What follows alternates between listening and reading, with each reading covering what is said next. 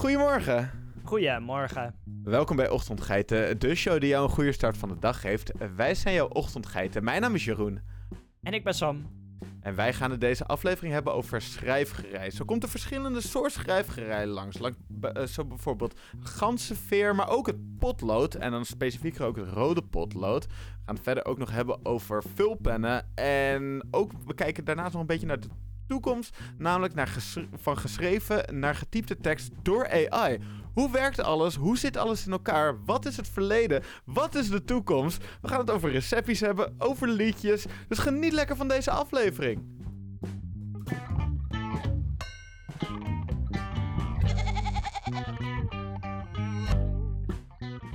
Vandaag de dag schrijven we niet meer heel veel fysiek, dus met een, een pen of een potlood of iets dergelijks. Veel wordt getypt. Um, maar er wordt nog steeds wel het een en ander geschreven. En wij vinden het normaal om 36.000 verschillende soorten pennen te hebben. En allemaal verschillende kleuren stiften en, en potloden en noem het maar op. Uh, um, maar dat, dat was niet altijd zo. Dus we nee, nee. beginnen eventjes door terug in de tijd te gaan. En dan gaan we naar de ganzenveer. Um, ik denk dat de meeste mensen van onze generatie eigenlijk als een van de weinige um, ja, relatable dingen hier aan uh, Harry Potter hebben. Maar um, het is echt een gigantisch deel van de geschiedenis.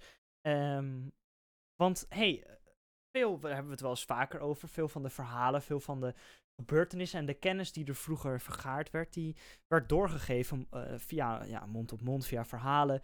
Um, van uh, ouder tot kind, vriend tot vriendin, noem het maar op. Maar Um, er waren een aantal mensen die zich gespecialiseerd hadden in het schrijven. Het werd steeds belangrijker en vandaag de dag is het normaal dat alles gedocumenteerd is. Maar dan hoe?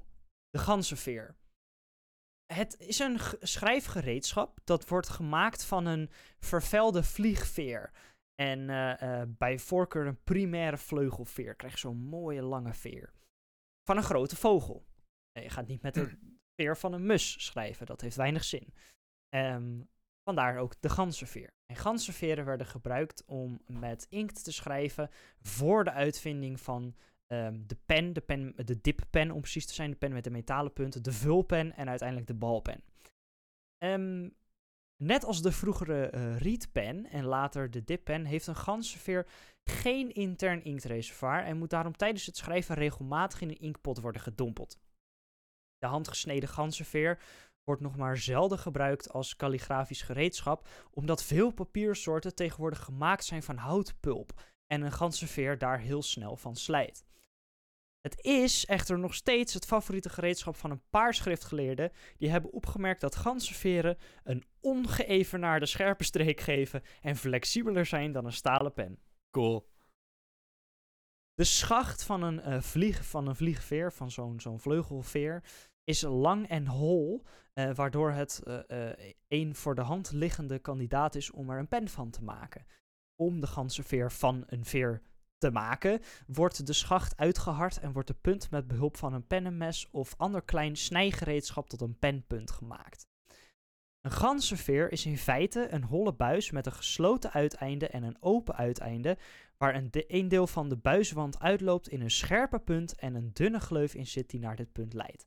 Um, dus eigenlijk een beetje als een, uh, een vulpen. Alleen dan um, ja, van een, een, een levend, uh, uh, ooit een levend iets. Ja, het zou, dus, het zou toch grappig zijn als er als in plaats van veren dat er vulpennen op, uh, op dieren groeiden. ja, dat zou wel bijzonder zijn. Uh, maar daar kom ik zo meteen op, de vulpen. Oh. Want dat is hier redelijk op, uh, op afgeleid. Cool. Grappig genoeg.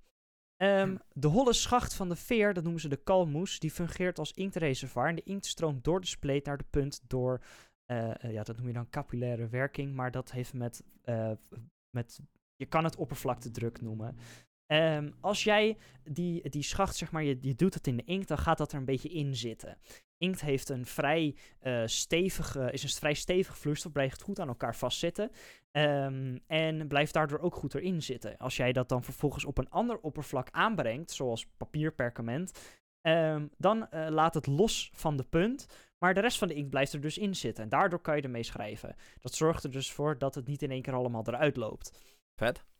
Ehm, dat heeft dus ook te maken met het, de lucht wat nog in de veer zit. Als het andere uiteinde van de veer ook open zou zijn geweest in plaats van dicht, dan zou het er zo uitlopen.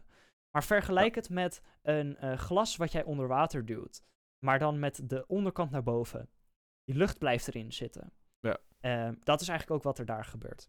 Ja, Daardoor het is- stroomt niet alles in één keer eruit. nee, precies. Het verschil van druk dat is groot genoeg dat inderdaad niet alles in één keer vloep Ja. vol met water gaat zitten. Of het water vol met lucht gaat zitten. In dit geval inkt. Eh, want Mhm. Met water schrijven wordt wat lastig, maar ehm, Maar het kan wel. In een eh, zorgvuldig geprepareerde ganzenveer wordt de gleuf niet wijder door bevochtiging met inkt en door drogen. De ganzenveer behoudt voldoende zijn vorm en hoeft maar zelden geslepen te worden. En de ganzenveer kan herhaaldelijk gebruikt worden eh, tot er weinig meer van over is. Ehm, dus net als een potlood, is, je snijdt, het er, snijdt er een stukje van af.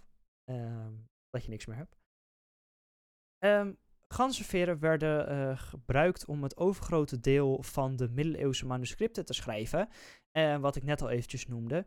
Ze werden onder andere ook gebruikt om de Magna Carta en de Declaration of Independence te schrijven. De Amerikaanse president Thomas Jefferson fokte speciale ganzen in Monticello om in zijn enorme behoefte aan, eh, aan ganzenveren te voorzien. Ehm, ze worden vandaag de dag nog steeds gebruikt, voornamelijk door dus professionele schriftgeleerden en kalligrafen. Ze worden ook gebruikt als eh plectrum-materiaal in snaarinstrumenten, met name het klaversymbol, wat ik ook wel interessant vond. Ehm, en eh, van de 17e tot de 19e eeuw werd de centrale buis van de ganzenveer gebruikt als ontstekingsbuis, gevuld met buskruid voor kanonvuur. Tegenwoordig worden schrijfveren nog maar zelden gebruikt als schrijfinstrument, maar ze worden nog geproduceerd als speciale artikelen, meestal voor hobbyisten. Ehm, ja, die ganzenperen van vandaag, eh ganzenperen? Ganzenveren van vandaag de dag, die hebben meestal een metalen punt eh, of zijn zelfs voorzien van een balpen eh, om een apart, aparte inktbron overbodig te maken. Ja. Ook wel leuk, volgens de Supreme Court Historical Society liggen er elke dag dat het Hoge Rechtshof zitting houdt 20 ganzenveerpennen netjes gekruist bij de vier raadstafels. De meeste advocaten verschijnen maar één keer voor het hof en nemen de ganzenveerpennen graag als souvenir mee naar huis, wordt gequote. Dit wordt al gedaan sinds de eerste zittingen van het hof.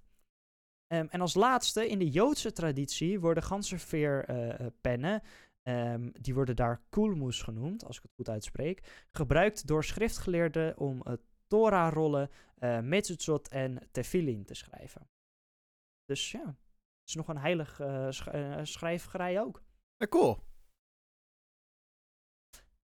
Dan van een eh, schrijfinstrument wat je eh, moet slijpen, waar geen vulling in zit, naar een schrijfinstrument waar, eh, wat je moet slijpen, waar wel een vulling in zit. En ik heb het over potlood. Volgens mij heb jij daar wel het een en ander over te vertellen, Jeroen. Ja, ja, ja, ja. En ik wil even beginnen met een heel specifiek soort potlood. Want ja, we zijn nu een weekje verder na 22 november. En wat was 22 november? Nou, Sam, wat heb jij op 22 november gedaan? Werken. En wat heb je naast, Gewerkt. en wat heb je naast gewerkt gedaan? Ehm, waarschijnlijk eten gekookt. Oké, 22 november, dat is de dag dat we allemaal kunnen gaan stemmen. Oh ja! De Ja, precies. Goedemorgen. Precies, raar dat je dat niet meer kan herinneren, man. Ehm, maar laten we maar Voor de even... luisteraars, wij eh, nemen dit op op 20 november, dus ehm, Ja. Eh, dat is de mooie dag dat wij ons eh, democratische plicht voldoen. Nou, tenminste, plicht. Doe het wel. Stemmen is belangrijk. En dan ben ik een beetje laat mee met deze boodschap, maar doe het wel. Anders probeer het later nog een keertje te doen. Oké, maar Ja. wordt traditiegetrouw gedaan met het rode potlood. Dus ja, niks is zo toepasselijk om daar nu even over te gaan praten. Het gebruik van het rode potlood he- heeft historisch gezien ja, verschillende redenen. En de kleur rood is ook niet heel erg toevallig gekozen. En er zijn... Sam, wat is er? Wat komt er in je hoofd voor? niks, Ik ben benieuwd wat... niks. We gaan er overheen, we gaan er langs. Oké, oké, oké. Eh, Dus ik ga even enkele belangrijke redenen vertellen waarom het rode potlood zo'n belangrijke ja, betekenis heeft en waarom, wa- waarom dat potlood eigenlijk ook rood is. Nou, allereerst, best wel logisch, heeft het met zichtbaarheid en contrast te maken. Want rood is gewoon echt een hele erg opvallende kleur en is heel erg makkelijk te onderscheiden. Vooral tegenover een kleur die standaard is, zoals bijvoorbeeld de standaard zwarte eh, of bijvoorbeeld de donkere teksten. En het zorgt dus ook voor een hele duidelijke visuele markering, wat ook heel erg belangrijk is bij het aangeven eh, van correcties of bij het markeren natuurlijk van onze stembiljetten. Eh, daarnaast heeft het ook een bepaalde traditie in het onderwijs. In het onderwijs is het gebruik van rode potlood ontstaan uit tradities. Leraren gebruikten rode potloden om fouten aan te geven en correcties op het werk van studenten te maken. Rode kleur, ja, die trekt dus heel veel aandacht, waardoor eh, studenten makkelijk kunnen zien eh, ja, wat, wat ze allemaal moeten herzien en zo. Wat weer die opvallendheid en, en zo meebrengt. En onderwijs, dat is gewoon iets wat altijd als belangrijk ding aan zich eh, gezien wordt in Nederland. Dus ze wilden dat soort van die traditie ook meenemen binnen, binnen het stemmen. En ja, het is, dus, het is ook erg vooral symbolisch, want het wordt ook vaak geassocieerd met hele belangrijke zaken. En ook als waarschuwing, bijvoorbeeld als je een waarschuwingsbord hebt langs de weg, dan is, dat, is dit daar altijd wel rood in. En het heeft ook een bepaalde dringendheid. Als je meer daarover wil horen, dan kan je onze eerdere aflevering over kleuren luisteren, waarbij we ook heel erg ingaan op de kleur rood en wat, ja, wat jouw brein eigenlijk associeert met de kleur rood. Eh, ja, het is vooral eh, dat je een stembiljet moet invullen met een rood potlood. Dat laat dus ook heel erg eh, de prioriteit, het gevoel van prioriteit zien. En dat het een soort van cruciaal belang heeft. En dat brengt het ook heel erg over. En natuurlijk is het gewoon herkenbaarheid. Eh, het gebruik van de rode potloden heeft zich verspreid naar ook verschillende sectoren. Want het is, maar het is vooral die herkenbaarheid van, ja, van het stemmen. Het rode potloodje wat je mee kan nemen. Of vorig, voor, bij de vorige verkiezingen kon je ze niet meenemen, potverdorie. Maar het is, ja, het, het, het laat dus wel echt dat herkenbare zien. Maar, dus allemaal redenen waarom je zo'n mooi rood plot, plot, plot- plotloodje hebt gebruikt. Ehm, maar, rode potloden zijn niet de enige potloden. Jaarlijks worden er meer dan 14 miljard potloden gemaakt. Echt heel veel. En 14 miljard potloden, dat is genoeg om 62 keer om de aarde te cirkelen. Ja, dat is, dat, dat is wel veel. Daar moet je even goed over nadenken. Het gemiddelde potlood kan 17 keer worden geslepen. Hangt er natuurlijk vanaf hoe hard je dit slijpt. En, en je kan er gemiddeld, en dit is pas een mooi raadsel, nou raadseltje, dit is pas een mooi weetje. Je kan er 45.000 woorden mee schrijven. Nou is dat natuurlijk Dat wel heel erg af. Ja, ja. Nou, is, nou is dat wel heel erg afhankelijk van hoe lang je woorden zijn, hoe hard je drukt, hoe je het slijpt en alles andere wat erbij hoort kijken. Ehm, dus ja, het is gewoon een veel en goed gebruikte tool om mee te schrijven. Dus we moeten het vandaag wel even benoemen. En ja, van iets wat, wat we eigenlijk als mens zo vaak gebruiken, is het natuurlijk ook leuk om te weten hoe dit nou echt geproduceerd wordt. Dus laten we even dieper ingaan in het productieproces van de potlood. Lekker voor ons. Nou, als eerst wat heel erg belangrijk is voor de productie, dat is het ding wat je tussen je vingers hebt. En dat is niet eh, potlood, maar dat is hout. het productieproces begint bij het zorgvuldig selecteren van het hout voor de potloden. Cederhout is populair vanwege zijn lichtheid, duurzaamheid en het vermogen om soepel geslepen te worden. Dat is wel goed om over na te denken bij je potlood. Niet elke hout kan je makkelijk slijpen. Bijvoorbeeld, je doet er een palmboom in. Moeilijk slijpen, joh. Ehm, daarnaast is het, is het zagen en snijden. Dat is het volgende stapje van het proces. Het geselecteerde hout wordt in blokken gezaagd. Deze blokken worden vervolgens gesneden in kleinere secties die uiteindelijk de grootte van de potlood zullen hebben. Vet, hè? Oké, daarna, da- daarna heeft het met gleuven en groeven te maken. Want de houten blokken worden verwerkt om gleuven te creëren. Waarin later de grafietkern en het gummetje zullen worden geplaatst. Worden groeven, eh, ook worden groeven toegevoegd voor het bevestigen van het grafiek. Grafiet, Sam ben je er nog? Oké, je bent weer terug. Ehm, daarnaast komt de grafietproductie. Het graf- de grafietkern, jeetje, de grafietkern van de potlood wordt gemaakt door een mengsel van fijngemalen grafiet en klei. Je bent dus eigenlijk met, ook aan het kleien ondertussen. De verhouding van grafiet tot klei bepaalt de hardheid van een potlood. Dit mengsel wordt geëxtrudeerd en ja, wordt dan uiteindelijk in dunne staven gesneden. Hierna komt de emballage. De grafiekstaaf wordt in de gleuf van de houten blok geplaatst. aan het andere eind, eh, uiteinde wordt vaak een gummetje toegevoegd.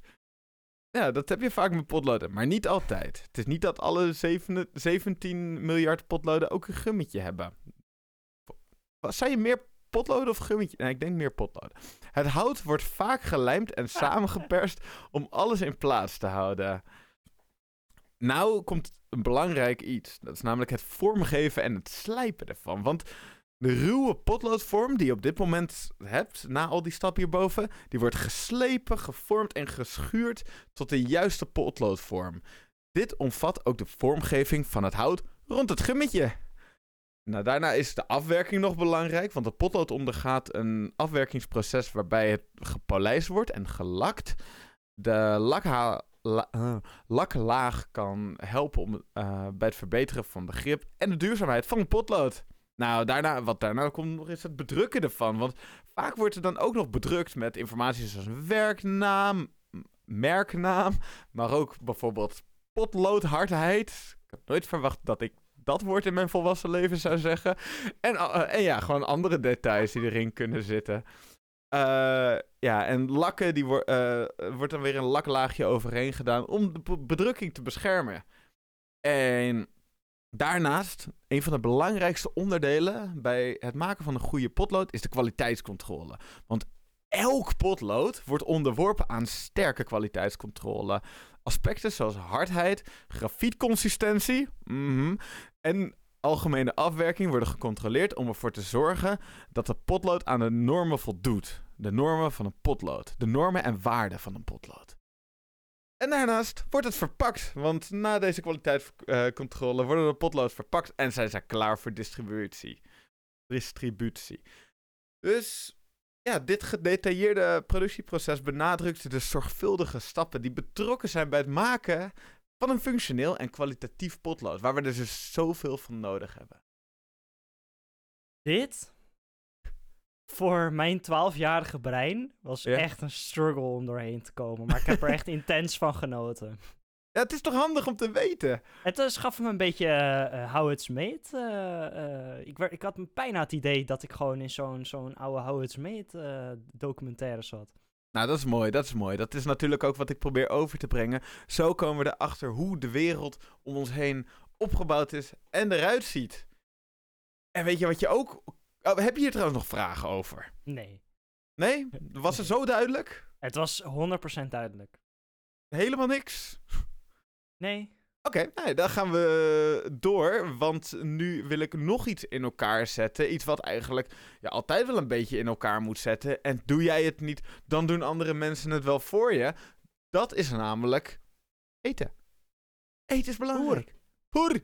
Eten is zo belangrijk. Man, heb jij lekker gegeten? ja. Wat heb je Ik heb gegeten? eh, heerlijke chili gegeten, gemaakt door mijn lieftallige huisgenootjes. Oh, wat fijn. Was een lekkere Ja. chili? Ja, was heerlijk. Het is een beetje een klassieker hier in huis, maar eh, ja, was lekker. Cool. Wat heb jij gegeten, Jeroen? Ehm, dat is niet relevant. Nee, ik, ik heb Afrikaan, eh, nee, Afghaanse kip met rijst gegeten en aubergine. Maar dat is, ja, net zoals jouw vraag, eigenlijk... Ik wil niet te min doen over het lekkere eten wat je net hebt gegeten. Maar ik wil het wel over iets anders hebben dan een van de dingen die wij nu benoemd hebben. Namelijk bloemkool overschotel met gehakt. Wauw. Ja, lekker man. Want wie vindt het nou niet lekker om lekker groente naar binnen te krijgen? Wat je dan zeg maar in de oven gestopt had. En waar nog een beetje vleesje doorheen zit. Hoeft geen vlees te zijn, kan ook rulgehakt. Rulgehakt is echt ook heel erg lekker. Zit ook vol met proteïne. Dus wil je straks een beest worden, dan neem dan rulgehakt in plaats van gewone hakt. Gehakt. Bedoel je, da- bedoel je daarmee eh, vegetarisch gehakt? Ja, ja nee, je hebt echt dat rulgehakt. Dat, Want- dat, dat heet rulgehakt. Het, ja, ja, dat klopt. Maar dat specificeert niet per se het vegetarische. Maar als je, tip, als je veel proteïne binnen wilt krijgen en je koopt vegetarisch gehakt, let er dan even op hoeveel erin zit. Want niet elk merk en elk soort eh, heeft echt proteïne erin zitten. Ja, Of überhaupt nuttige voedzame stoffen. Ehm dat hoeft niet per se iets met de prijs te maken te hebben. Als Nee, je, als je vegetarische eh, eh, vleesvervangers eet, eh, check dan eventjes eh, ja, of het wel, eh, niet per se of het slecht voor je is, maar of het wel gewoon genoeg voedingsstoffen geeft. Want Ja. anders kun je alsnog de hele dag noten zitten knagen. En dat is misschien ook wel lekker, maar ja, dat is misschien niet de bedoeling. Nee, precies. En voordat je in één keer stuimt tegen een brok verrijkt uranium in je mond, is het gewoon handig om even te kijken wat er allemaal in de... Oké, nee. Nee, ik ben, ben ik nu slechte dingen aan het verspreiden, Ge- Sam? er zitten wel heel veel calorieën in. Verrijkt uranium? Ja, Hoe weet je dit? don't ask. Oké. Eh, oh ja, jij, jij, jij, hebt bij, jij hebt bij een winkel met elektronica gewerkt en zo, dan weet je dat. Ik heb Eh, vooral eindexamen gedaan in scheikunde. Oké. En dan, krijg, Oh, dan ja, want- leer je... het- als, zeg Ja. maar, als je op de middelbare school zo'n natuurkundig vak volgt... Ik weet niet of dit een universele ervaring is. We gaan heel erg off-topic, I know. Maar Ja, eh, ik weet niet of dit een universele ervaring is. Maar wat ik in ieder geval heb gemerkt... is dat de dingen die mij het meeste bijstaan... de dingen zijn die niet in de lesstof zaten. En eh, een van die dingen is hoeveel calorieën... Nou, niet, ik weet niet precies hoe te noemen hoeveel calorieën er in uranium zitten. Maar ik weet dat van dat eh, eh, nucleaire materiaal, om het zo maar even te noemen, Ja. voor een ehm of a better word. ehm, daar zitten ontzettend, dat is zo erg calorierijk. Kijk, als je het eet, ga je gewoon dood. Maar Ja. eh, je krijgt wel veel calorieën binnen. dus eh, als je eh, aan wil komen, dan eet direct uranium. Maar het is ook wel logisch ergens. Oké, we gaan nu nog verder op, to- off topic. Maar het is wel logisch, want eigenlijk zijn calorieën is ook, maar, is ook een vorm van energie. En dat is hoeveel energie je naar binnen krijgt. Dus rijk uranium, dat, dat is- daar zit gewoon heel veel energie in, in opgebouwd. Dus... 1 1 gram uranium-235, eh, daar zit ongeveer 20 biljoen eh, calorieën in. Zo. Ja. 20 miljoen calorieën. Oké, kan, kan je nu doorrekenen naar hoeveel, hoeveel dagen dat van je dagelijkse hoeveelheid zijn? Oké, wacht even. Ja, calcula. Amerikaanse biljoen, hè? Dus. eh, Miljard. Ja, Ja. Oké, dus hoeveel miljard? 20. 20, 1, 2, 3, 4, 5, 6, 7, 8, 9 nullen. Oké. Laten we en- delen door 2500, dan kom je op 8 miljoen dagen. 8 miljoen dagen. Nou, dus eh doe ermee wat je wil. Bloemkool Niet overscho- Ja, niet eten dus. Sorry, ik je- blijf je onderbreken Daar word je over niks je- van. over je bloemkool overschotel, wat wel goed Ja, voor je is. Ga ik maar lekker over mijn bloemkool overschoten praten. Nou, eh het is vooral heerlijke comfortfood. Want het is een romige bloemkoolschotel, overschotel, bloemkool overschotel. Met gehakt aardappelschijfjes en heerlijke kaassaus. Sorry voor je oren als je dit best wel hard luistert.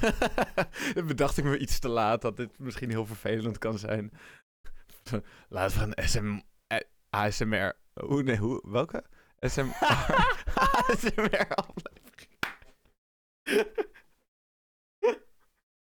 Wauw. Laten we het over chips gaan hebben. Nee, oké. Hoe, hoe, ASMR? Ja, ASMR? Ja. Dat is toch ook dat bedrijf? Dat is Nee. ASML. ja. Oké, oké, oké, oké. Eh, ehm, Oké, wat je nodig hebt is 300 gram bloemkoolroosjes, 250 gram runde gehakt, 1, uit, 1 teen knoflook, 600 gram aardappelschijfjes. Aardappel is ook gewoon groente. Eh 2 theelepel... Wat is er nou? Groente. Aardappels groente! Ja, eh, wordt misschien niet zo snel gezien als groente. Net zoals dat tomaat niet zo snel gezien wordt als vrucht. Maar het is gewoon groente. Wel hele dichte groente. Maar het is groente. Ehm twee theelepel knij, kn- konijn, eh, tijm. eh 1 theelepel paprikapoeder. 200... Jezus, nee. Ehm 25 gram boter. 25 gram bloem. 250 milliliter melk. Geraspte kaas. Je mag je lekker zelf bedenken hoeveel je wil. En zout en peper. Dat zit erin. Heb je het in de tussentijd opgezocht, Sam? Kan er niet vinden. Nee, Komt goed. omdat ik gelijk heb. Aardappel Eh, is een groente! Ja hoor. Precies. Luister nou eens naar mijn vriend. Ja, ja. ik, Je hebt ben niet voor, ik ben niet voor niets een van de hosten van deze mooie podcast. Gaan we nu weer verder praten met een accentje vandaag? Ik denk het niet. Nou ja, dan gaat het weer volledig fout. Eh, verwarm de oven voor op 180 graden. Eh, je kan dus lekker zo'n zakje aardappelschijfjes gebruiken. Je moet wel even lekker gaan koken. Eh, dus ongeveer 8 minuten in een pan met water. En ga dat ook lekker koken samen met de bloemkool. Niet twee keer koken. Dat kost gewoon allemaal stroom of gas. Zonde, man. Eh, giet een scheutje olie in een pan en bak de ui en de knoflook. Voeg na 2 à 3 minuten het gehakt toe. Bak het gehakt samen met de kruiden. Rul. Rul, rul, rul. Eh, smelt de boter. Ik weet niet wat ik heb vanavond. Ik bedoel, vanochtend. Mm, daar komen ze nog achter dat we in de avond opnemen. Smelt de boter in een stil pan. Verschilt eigenlijk per aflevering, maar oké. Eh, als de boter gesmolten is, voeg je de eh, bloem toe. Meng dit kort door elkaar en laat het mengsel 1 minuut pruttelen. Voeg daarna beetje voor beetje de melk toe. Blijf ondertussen goed roeren met een garde. Als je alle melk hebt toegevoegd en de saus iets dikker geworden is, dan kan je lekker geraspte kaas doen. Ongeveer 50 gram op dit moment erbij. Kan je erbij zo gooien. En als de kaas dan gesmolten is, doe je nog een snufje zee, eh, peper en zout bij. En dan zet je dit op het mooie, gezellige vuur. Doe de aardappelschijfjes rul gehakt of gewoon gehakt en de bloemkool in een ovenschaal. Giet de kaassaus erover en meng alles lekker door elkaar. Strooi de rest van de geraspte kaas over de ovenschotel. Bak daarna de ovenschotel met gehakt ongeveer 30 minuten in de oven. En daarna heb je, daarna heb je een heerlijk gerechtje met smaak van kaas, eh, groente en gehakt en ui. Dat is een knol, dat is geen groente. Precies. En Klinkt goed. ja, klinkt goed. En melk. Dus geniet ervan. Maak het lekker klaar. En als je dit een beetje onduidelijk vond om allemaal aan te horen, eh, linkjes in de show notes te vinden. Dit is trouwens voor vier personen. Dan weet je dat. Nice. Klinkt Ja. goed. Lekker. Lekker man. hey, eh, jij wilt het hebben over een, eh, over een ander soort schrijfgerij? Ja, ik ga naar de vulpen, waar ik net al wel eventjes een, een hint naar gaf. Ehm, want een vulpen is een schrijfinstrument dat gebruik maakt van een metalen punt. Daar had je niet gegokt, hè? Oi, oi, oi. Ehm, om inkt op waterbasis of speciale pigmentinkt, geschikt voor vulpennen, op papier aan te brengen. Deze pen onderscheidt zich van vroegere vulpennen door het gebruik van een intern reservoir om inkt in te bewaren. Waardoor de pen tijdens het gebruik niet herhaaldelijk in een inktpot hoeft te worden gedompeld. Nou, daar had ik net over. Ehm, de pen die zuigt inkt uit het reservoir via een toevoer naar de penpunt en brengt de inkt op papier door een combinatie van zwaartekracht en capillaire werking. Hebben we hem weer hoor. Ja. Het reservoir kan handmatig met inkt worden gevuld met behulp van een pipet of een injectiespuit of via een intern vulmechanisme ehm, dat va- vacuüm creëert om inkt rechtstreeks via de penpunt in het reservoir te brengen. Sommige pennen hebben verwijderbare reservoirs in de vorm van voorgevulde inktpatronen. Dan heb ik een vraag, Jeroen. Had jij vroeger een vulpen op, op de basisschool? Eh, ja. Meeste kinderen van, of meeste mensen van onze leeftijd, ik weet niet hoe dat nu zit. Volgens mij is het nu allemaal eh, niet meer zo. Maar vroeger in ieder geval moesten wij met een vulpen leren schrijven. En die hadden ook eh, verwijderbare reservoirs. Hoe, he- hoe, heet het, hoe heet dat bedrijf ook alweer? Dat, dat echt heel... Dat op een gegeven moment Stabilo. groot... Stabilo. Ja, die hebben ook al die kleuren, pennen en stiften. Daar heb ik nog twee grote bakken mee liggen, joh. Helemaal Oh, joh. fantastisch. Ja, joh. Lekker man. Die gaan al eh 15 jaar mee of zo. Die heb ik nog steeds, die doen het ook nog steeds. Oh, lekker. Dan ga ik even de geschiedenis in, want eh, de vulpen is dus al ouder dan we dachten. En eh, er komt een interessant personage voorbij. Ehm, Oh. Volgens Kadi al-Numan al-Tamimi uit 974 na Christus. Ehm, in zijn, komt ie hoor, Kitab al-Majalis wa al-Musayyarat eiste de Fatimidistische kalif al-Mu'is Lidin Allah in Arab- Arabisch Egypte een pen die geen vlekken zou maken op zijn hand of kleren. En kreeg hij een pen die inkt vasthield in een reservoir, waardoor de pen ondersteboven kon worden gehouden zonder te lekken. Nou, Dat is wel lekker. dus daar hebben we eigenlijk allemaal aan deze fantastische, eh, eh, geen idee of hij fantastisch was, maar we hebben het aan deze man te denken, danken. Er is overtuigend bewijs dat een werkende vulpen werd gemaakt en gebruikt tijdens de Renaissance door kunstenaar en uitvinder Leonardo da Vinci. Yo! Leonard- Hé, hey, daar is hij weer hoor. Ja. Leonardo's dagboeken bevatten tekeningen met dwarsdoorsneden van wat een reservoirpen, oftewel een vulpen lijkt te zijn, die eh, zowel door de zwaartekracht als door capillaire werking werkt. Historici namen ook nota van het feit dat het handschrift in de dagboeken van de uitvinder een constant contrast vertoont, in plaats van het karakteristieke vervagende patroon dat typisch is voor een ganzenveer. Veroorzaakt door uit, eh, eh, ja, dat, dat het een beetje uitveegt ehm, en eh, opnieuw onderdompelen. Hoewel er geen eh, fysiek object bewaard is gebleven, werden er in 2011 verschillende werkende modellen gereconstrueerd door kunstenaar Amerigo Bombara, die sindsdien te zien zijn in musea die aan Leonardo zijn gewijd. De ontwikkeling van een betrouwbare pen verliep tot halverwege de 19e eeuw traag door een eh, gebrekkig begrip van de rol die luchtdruk speelt in de werking van pennen. Bovendien waren de meeste inkten zeer corrosief en vol met sedimentaire insluitsels. Eh, ja, dat, is, dat veroorzaakte gewoon voor eh, slijtage, zeer snelle slijtage binnen de pennen. Ja. Het eerste Engelse patent voor een vulpen werd in mei 1809 uitgegeven aan Frederik Folch met een patent voor onder andere een verbeterde vulpen eh, eh, uitgegeven aan Joseph Brahma in september 1809. Dus de vulpen bestaat al flink lang en die Oh. vind je wel nog een stuk meer dan de ganzenveer. Ehm logischerwijs, want het is Ja, we praktischer. We hoeven niet allemaal op school te leren het schrijven met een ganzenpeer. Peer, met een vulpen. Ja, precies. Ehm, en dat was eventjes de vulpen. Er is nog heel veel geschiedenis en heel veel patenten, heel veel verschillende versies. Maar we weten allemaal hoe die eruit ziet. Ehm, dus daar ga ik eventjes niet op in. Ehm, en dan schuif ik ehm, de microfoon weer naar jou toe, Jeroen. Ehm, want jij hebt toch wel iets wat niet zo heel veel met de geschiedenis te maken heeft, maar met de toekomst. Precies, want te denken van... Ja, wat, wat valt er allemaal leuk om te vertellen als je de aflevering hebt over schrijfgerij? En dan is heel erg voor de hand liggend dat je dan gaat hebben over een, iets waar je mee schrijft. Maar ik vind het verwerken van, van iets wat je schrijft, vind ik ook heel erg interessant.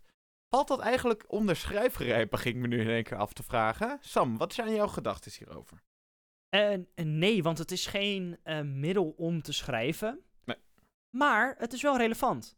Het is zeker relevant, want ik wil het hebben over, ges- eh, over geschreven eh, teksten naar getypte teksten omzetten aan de hand van AI.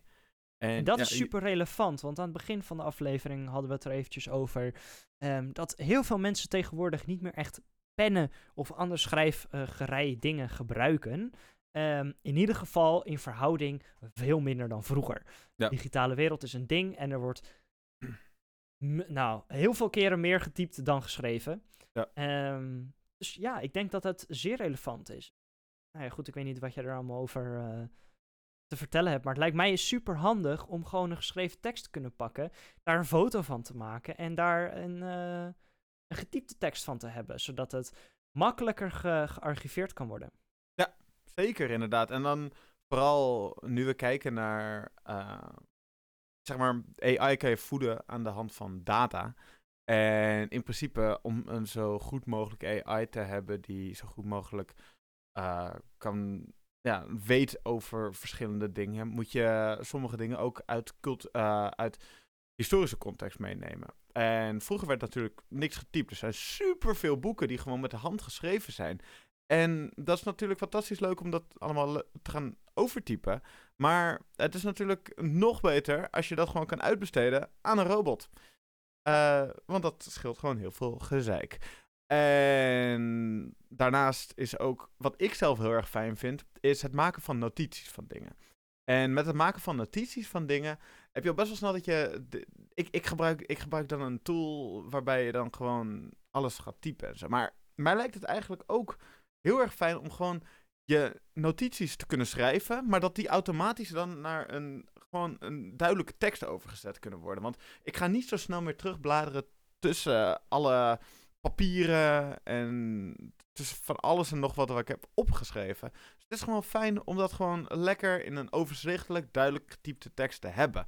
Nou, hoe doet de AI dat? Nou, AI-systemen zoals tekstherkenningsalgoritmen maken uh, gebruik van geavanceerde technieken om geschreven teksten te begrijpen en om te zetten naar getypte tekst.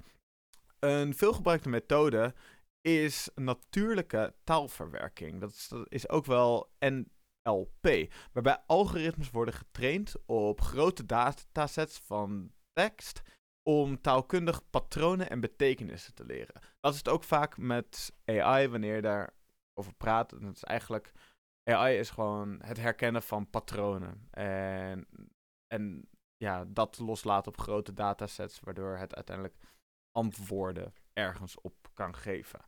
Ja, te tekstherkenningsalgoritmen kunnen gebruik maken van neurale netwerken, zoals recurrent neural networks, zijn RNN's. Uh, ik ga er niet heel erg veel verder op in, uh, maar als je het weet, dan weet je het. Of transformer modellen, zoals GPT-3 bijvoorbeeld is. Uh, deze modellen kunnen contextuele relaties begrijpen, uh, zin, zinstructuren analyseren en betekenis van woorden ook interpreteren. Het proces omvat de volgende stappen. Dus het van, van het verwerken, dat omvat de volgende stappen. dat is reprocessing. En dat is de ruwe geschreven tekst wordt voorbewerkt om het geschikt te maken voor de verwerking voor het algoritme. Dus dit kan bijvoorbeeld door het verwijderen van overbodige tekens, uh, normalisatie van tekst en tokenisatie omvatten. Tokenisatie is dat je bepaalde, bepaalde waarden aan een woord toekent, waardoor, het, waardoor binnen een bepaalde context begrepen kan worden door een computer waar het nou precies over gaat. Um, ik uh, ben geen AI-deskundige. Misschien is het wel leuk om een keertje iemand daarvoor uit te nodigen. Zeker. Uh, ik vind het wel een interessant onderwerp. Toevallig heb ik een vriendin die AI studeert. Ga haar wel een keertje naar voren trekken. Maar, Doen. hel hè. Uh, daarnaast, de tweede stap is embedding. En dat is dat de tekst wordt omgezet in numerieke representaties, ook wel embeddings genoemd. Dit stelt de algoritme in staat om de semantische betekenis van de woorden te begrijpen. Daarnaast heb je dus modeltraining. Uh, dus het neurale netwerk wordt getraind op hele grote datasets van tekst, waarbij het leert patronen en ook contextuele informatie te herkennen. Zo kan bijvoorbeeld wanneer je iets opschrijft en je schrijft het op een foute manier op, dan zou de AI zou het zelfs op de juiste manier kunnen doorzetten, waardoor de latere jij de AI juist heel erg dankbaar is dat het niet in jammer gebroken Nederlands of Engels erop staat. Uh, daarnaast ook nog infre okay. inferentie. En dat is na de training dat het, ja, dat het model nieuw geschreven tekst kan analyseren en om kan zetten naar getypte tekst om ja, door aan de hand van die eh, ja, geleerde patronen. Dus hij weet nu van, oké, ik heb heel vaak deze tekst langs zien komen. Dit dingetje, dus. Hij gaat ervan uit op het moment dat je op deze manier een letter schrijft, dan... Of het lijkt er een beetje op en het past goed in de context. Het past goed in het woord wat je neerzet. Dan denk je van, oké, dit hoort erbij. Er zijn heel veel dingen die eigenlijk samenwerken. Terwijl je denkt, wanneer je, eh, wanneer je dat schrijft, dat het eigenlijk best wel een makkelijk systeem is. Want je denkt, oké, ik schrijf op. Computer denkt, hey, dat kan ik een beetje herkennen. Dus hoppatee.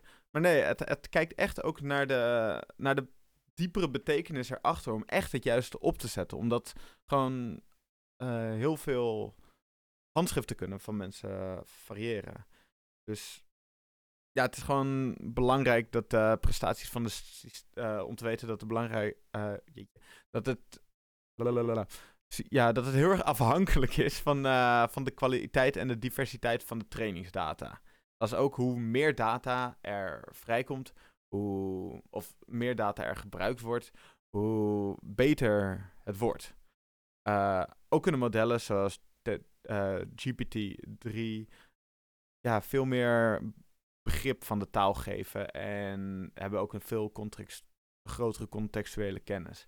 Dus dat zijn allemaal dingen die je die met elkaar moet laten samenwerken om uiteindelijk het mooiste te maken van de teksten die je opschrijft. En dan zo, foep, naar een tekstje in je computer. Naar de eentjes en nulletjes.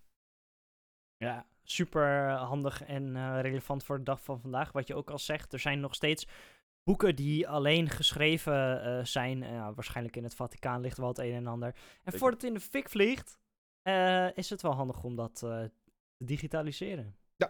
Als dit nou gebeurd was bij de Library of Alexandria, Oh, een hele Dan had de Oh. hele wereld er anders uitgezien. dan had de hele wereld er anders uitgezien. Ja, de- ik, ik voel de pijn nog steeds van het weggaan van zoveel kennis.